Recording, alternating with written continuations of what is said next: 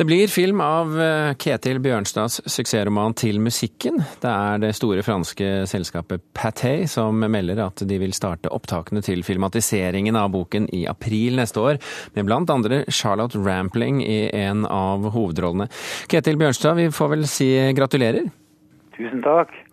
Du, Det å lage film det tar jo lang tid. Hvor langt har franskmennene kommet nå? Jo, jeg fikk beskjeden for uh, et par uker siden direkte fra regissøren Lionel Delplanc. Uh, han hadde varslet meg om at Charlotte Rampling allerede likte sin karakter, som er uh, pianolærerinnen i boken, Selma Lynge. Og så diskuterte de om de skulle rekke egentlig å komme i gang allerede nå i august. Men det har de ikke gjort da. Så det betyr at de starter i april for å antagelig, tror jeg, legge mye av opptakene til Lyon.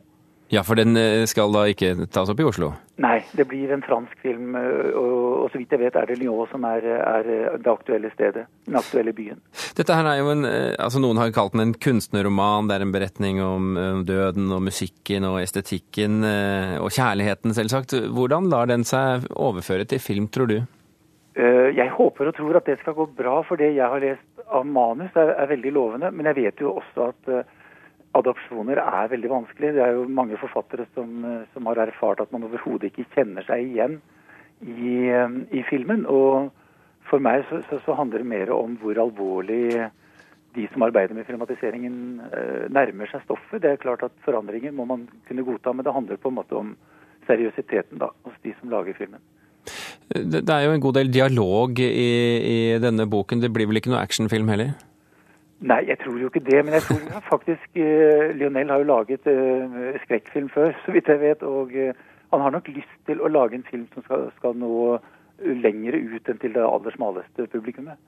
Og så er det jo en ting til, Bjørnstad, og det er jo fordelen ved en film kontra en bok. Og det at her kan de jo faktisk også spille musikken.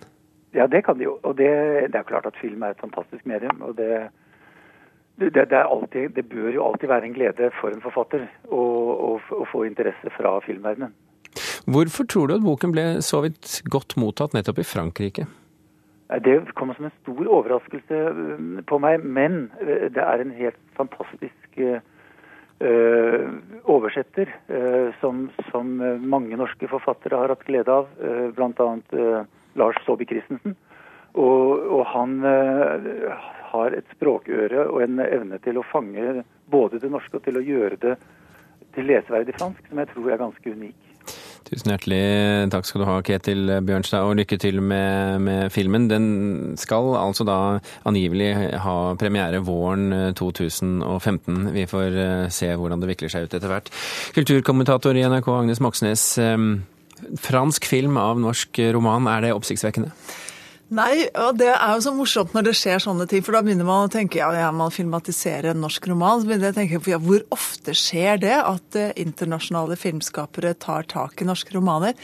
Og dess mer jeg har tenkt, dess færre bøker og eksempler har jeg funnet. Så det er, det er gjevt og, og, ganske oppsiktsvekkende at uh, det uh, franske filmselskapet Paté, som jo er et stort og seriøst og ordentlig filmselskap, uh, tar tak i, i, denne romanen. Men hvor vanlig eller uvanlig er det, da? Nei, Det er uvanlig. Altså, Jeg vet at Karin Fossum ble hennes roman, som vel het 'Se deg ikke tilbake', ble filmet av en italiensk eh, instruktør i, eh, i 2007. Eh, ble en ganske stor suksess i Italia men, og ble vist i Norge, men kom aldri, fikk aldri kommersiell visning og gjorde vel ikke noe sånn stor suksess utenfor landet.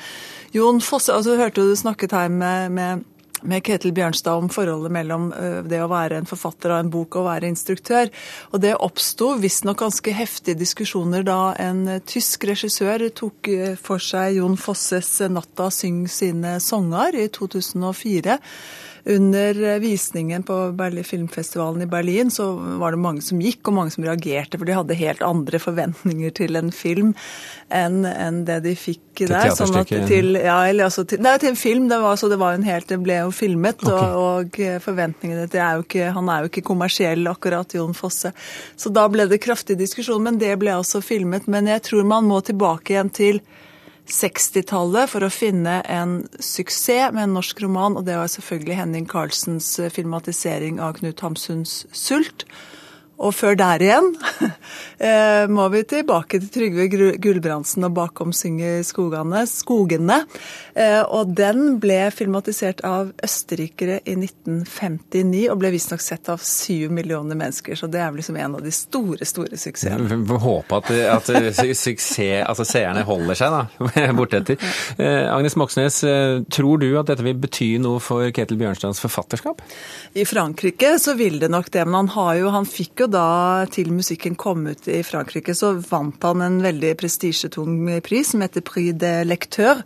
Sånn at han har jo allerede markert seg, og det nok, kommer nok ikke til å bli en, liksom en sånn bred og diger film. Dette her kan jeg vel heller ikke tenke meg, men, men det er veldig interessant at de tar fatt i en bok av Ketil Bjørnstad og en, en norsk roman, da. Agnes Moxnes, takk for at du ble med i ettermiddagssendingen.